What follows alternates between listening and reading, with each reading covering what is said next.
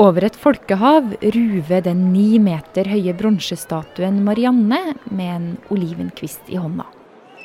Denne dagen ser hun ned på tusenvis av folk med munnbind og plakater med skrift 'Je suis Samuel'. Her midt i Paris har Marianne stått i over 100 år og minna franskmennene på hva de kjempa for under revolusjonen på slutten av 1700-tallet. Nemlig frihet, likhet og brorskap. Og ikke minst ytringsfriheten. Og det er den alle de her tusenvis av franskmennene går for denne høstdagen nå i oktober. Etter at en lærer som hadde vist klassen sin Muhammed-karikaturer, ble brutalt drept. Du hører på Forklart fra Aftenposten, og jeg er Marit Eriksdatter Gjelland. I dag er det onsdag 21. oktober. Det er fredag ettermiddag, og i et område utenfor Paris går ungdomsskolelæreren Samuel Paty hjem fra jobb. Og han har nok følt seg litt uh, truet, så han trakk en hette rundt ansiktet, sannsynligvis for å ikke bli gjenkjent. Vibeke Knop Raslin er forfatter og journalist og bor i Frankrike. Og saken om Paty, den har hun fulgt med på. For de siste to ukene hadde vært slitsom for læreren. Etter at han hadde vist karikaturtegninger av profeten Muhammed for elevene sine i en time om ytringsfrihet, så hadde flere foreldre reagert. En far hadde også anmeldt parti og lagt ut en video med kritikk. Han hadde lagt ut nærmest en fatwa mot læreren og sagt at dette måtte straffes. Og det var jo det den unge tsjetsjeneren gjorde. Denne unge tsjetsjeneren er 18 år. Og fredag ettermiddag nå før helga så drar han til skolen. Og Pati selv, han er ferdig på jobb og skal hjem. Og underveis så ble han da stoppet av denne unge tsjetsjeneren som øh, hadde funnet ut hvem han var ved å gi penger til andre elever, sånn at de skulle peke ham ut. Og så drepte han ham ved å skjære øh, halsen over på ham, strupen over på ham, med en vanlig kniv.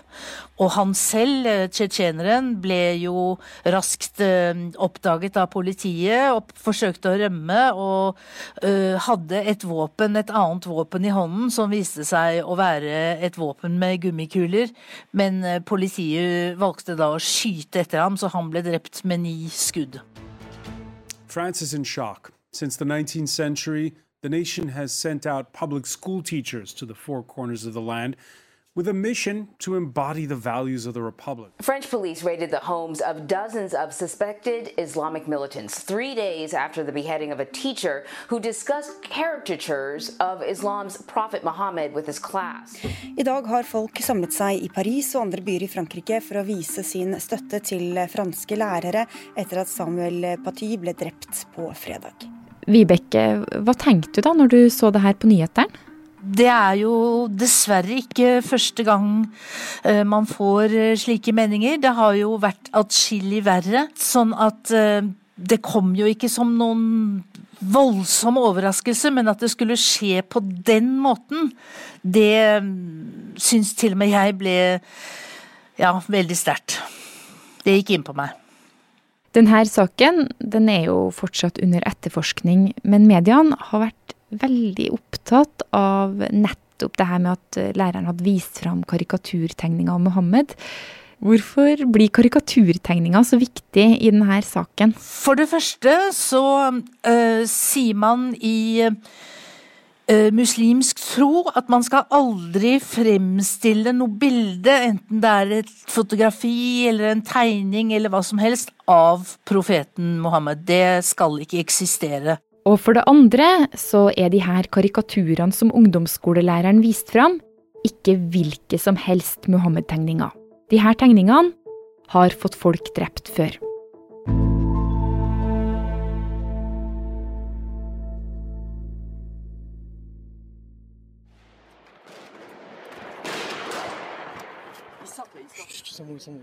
To svartkledde, maskerte menn med automatvåpen skyter rundt seg midt i Paris. Det er utenfor redaksjonslokalene til satiremagasinet Charlie Hebdo, og de fyrer løs mens de roper Allahu akbar, Gud er stor. Denne januardagen i 2015 blir tolv mennesker drept. Eh, flere var onsdag kveld fortsatt hardt skadet. Blant de drepte var fire tegnere i eh, avisen, og også sjefsredaktøren. Satiremagasinet hadde trykka karikaturer av Mohammed. De samme tegningene som læreren Samuel Paty hadde vist for sine elever nå i høst.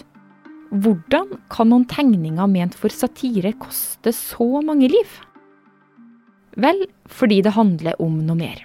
Du kan i hvert fall si at det er en ganske tydelig grobunn for unge, ikke muslimer, det du må si radikale muslimer.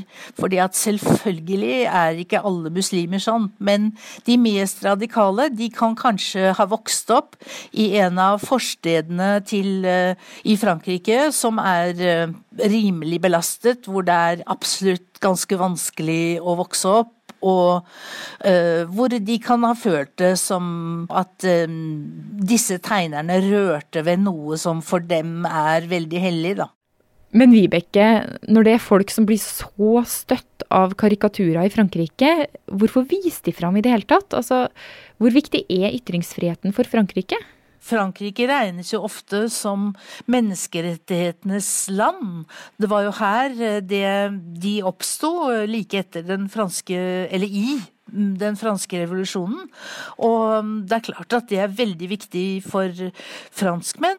Da det var så mange beskyldninger mot katolikkene om pedofili, da var det en veldig stygg tegning av paven som pedofil. Og den ble det til og med rettssak om. Men altså, tegneren vant til slutt, fordi at øh, jo, han hadde fremstilt paven som pedofil, men det er jo ingenting som forbyr det. Men derimot så øh, Akkurat han som tegnet den tegningen, han er karikaturtegner i Le Monde, og han sier nå åpenlyst at han tør ikke å tegne Mohammed mer. Selv om karikaturstriden har fått dramatiske konsekvenser i Frankrike de siste ti årene, så var det ikke i Frankrike det starta. Nei, det starta her i Norden. Det er 15 år siden nå, og den danske avisa Jyllandsposten har tolv små tegninger i avisa. Og særlig en av dem står ut. En mann med sinte øyne og stort, svart skjegg, og på hodet så har han en turban med ei påtent bombe.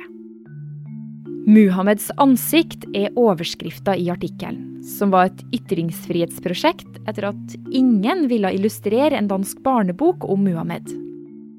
Artikkelen til Jyllandsposten går ikke ubemerka hen. Elleve muslimske organisasjoner anmelder etter hvert avisa. Men det stopper ikke der. For nå kommer saken til Norge. Muslimer i Midtøsten er i harnisk og krever en uforbeholden unnskyldning etter karikaturtegninger av Muhammed i norsk avis. I hele dag har rasende muslimer markert sitt sinne og brent det norske flagget i Gaza. Det var ikke så veldig mange aviser i Norge som viste karikaturene, men Aftenposten var faktisk en av dem. Vi publiserte ikke selve Muhammed-tegningene, men et bilde av avissida med de tolv karikaturtegningene på. Det aller første som skjedde i Aftenposten, var jo det du er inne på. At, vi, at det ble trykket. Og det skjedde i det som da var Aftenpostens aftenutgave. Som en veldig sånn streit nyhetssak fra Danmark om hva som pågikk der. Han du hører her, det er Per Anders Madsen, som nå jobber som forfatter og journalist men som under karikaturstriden var kulturredaktør her i Aftenposten. Da det ble en større diskusjon om dette i redaksjonen og hvordan avisen skulle forholde seg til det, så ble jo dette naturlig nok nokså raskt løftet opp på, på sjefredaktørplan. og Daværende sjefredaktør Hans Erik Matre besluttet jo da at vi ikke skulle trykke disse tegningene. Ut fra en, ut fra en nokså sånn, hva skal jeg si, begrunnelse som gikk ut på at at det var ikke i Aftenpostens uh, tradisjon og stil å, å, gjøre ting som kunne bli oppfattet som krenkende. I Syria, Pakistan, Afghanistan tok folk til gatene. Ambassader ble angrepet, og det norske og danske flagget ble påtent i gatene. Over 150 mennesker mista livet som følge av demonstrasjonene i Midtøsten. Det handlet om mye mer enn bare tegninger. Og jeg tror at kulturer i Midtøsten, arabiske eh, kulturer, føler seg ydmyket, føler seg marginalisert, føler seg konfrontert med et Vesten som oppfattes som arrogant. Og disse tegningene ble da brukt som et eksempel på det, for på en måte å bevise at påstandene om at uh, vestlig kultur bare tramper på våre verdier, disse tegningene ble brukt som et slags bevis på at det er riktig. Da. Noe av det hva skal jeg si, mest betenkelige med hele debatten var at den ytterpunktene i disse posisjonene, ytterpunktene i debatten, ble ytterligere polarisert. Og man, man, brukte fiendebilder av hverandre som ble gjensidig forsterket gjennom, uh, gjennom denne diskusjonen rundt, uh, rundt, karikaturene. Var det noe i den tida som gjorde at, at det ble sånn? Altså det, det, var jo ikke så mange år siden uh, angrepene på tvillingtårn og, og Forsvarsdepartementet i, uh, i, USA. Det var i 2001. 11. september. 11. september, ja. 2001. Vi hadde disse forferdelige terrorangrepene i Madrid i 2004, London 2005, uh, som jo også var blodige, brutale terrorangrep. Sånn at det var jo noen år hvor man hadde opplevd islamistisk terror i Vesten på nært hold. Sånn at uh, det, er også, det er også viktig å huske på når man skal se på hvilken tid dette var, og hvilken kontekst disse tegningene kom til i. da. Men Per Anders, hvorfor ble det så viktig da for eh, vestlige media å trykke de her eh, tegningene når de visste at en del muslimer kom til å bli støtt? Da må vi tilbake til kjernepunktet, og det handler jo da om grenser for ytringsfrihet. Og det er klart at særlig når det reaksjonene ble trusler, og etter hvert også drap. Og da har vi jo, hvis vi går til Charlie Hebdo i 2015, januar 2015, eh, så ble det jo etter mitt syn viktig å markere at dette er eh, reaksjonsmønstre som er totalt uakseptable. Eh, og dermed så ble det også viktigere for mange medier å markere solidaritet og støtte til de publikasjonene som hadde trykket tegningene.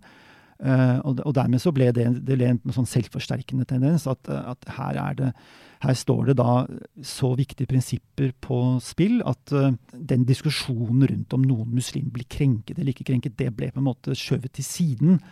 Til, til fordel da for en annen type diskusjon, som ble mye mer tydelig at uh, her, her, må vi stå opp for ytringsfriheten. og tegningene ble en markør, en, en slags symbol på at her er verdier på spill som, som det er umulig å gå på akkord med. Etter publiseringa av de første Muhammed-karikaturene i Jyllandsposten, så har debatten egentlig aldri helt stilna, og vi har stadig opplevd nye angrep mot folk som har vist tegningene. Det store flertallet muslimer tror jeg enten så er de likegyldige til dette uh, med disse tegningene, eller så tror jeg det er ganske mange som ikke setter særlig pris på å se disse profettegningene men som ikke vil drømme om å reagere med trusler eller vold. Og de gruppene de, de får litt skrinnere kår når debatten blir så polarisert. Fordi det er klart at så dramatiske hendelser som det vi nå har sett i Frankrike f.eks., det vekker selvfølgelig uh, stor oppmerksomhet, og får stor oppmerksomhet. Og da er det alltid en fare for at disse som står bak disse voldshandlingene, blir gjort mer representativ for en muslimsk kultur enn de faktisk er. I bunn og grunn, da, hva er det denne debatten handler om? For den, det er jo ikke bare vi her i Norge som sitter og diskuterer den. Den blir diskutert i Frankrike. Eh, og tidligere har vi sett at den har opprørt en helt muslimsk verden. Hva gjør at en eh, muslim i, i Pakistan og meg her i Norge kan bli engasjert i akkurat, akkurat dette spørsmålet? Jeg tror det kan i hvert fall handle om at man får bekreftet noen forestillinger om hverandre, om, om de andre, da, for å bruke det uttrykket som ofte brukes i sånne diskusjoner. Hvis det er slik at disse personene i utgangspunktet føler at de er marginalisert, føler at de blir at de er uh, ydmyket av, uh, av vestlige samfunn på ulikt vis, så, så, blir dette tatt som en slags bekreftelse på at det er tilfellet. Uh, og da er jeg litt inne på denne politiseringen igjen, som, som jeg tror det er at, at, denne striden hele tiden har gått, blitt satt inn i noen politiske rammer. Det, det tror jeg var tilfellet i 2005, og det er nok til en viss grad uh, tilfellet fortsatt.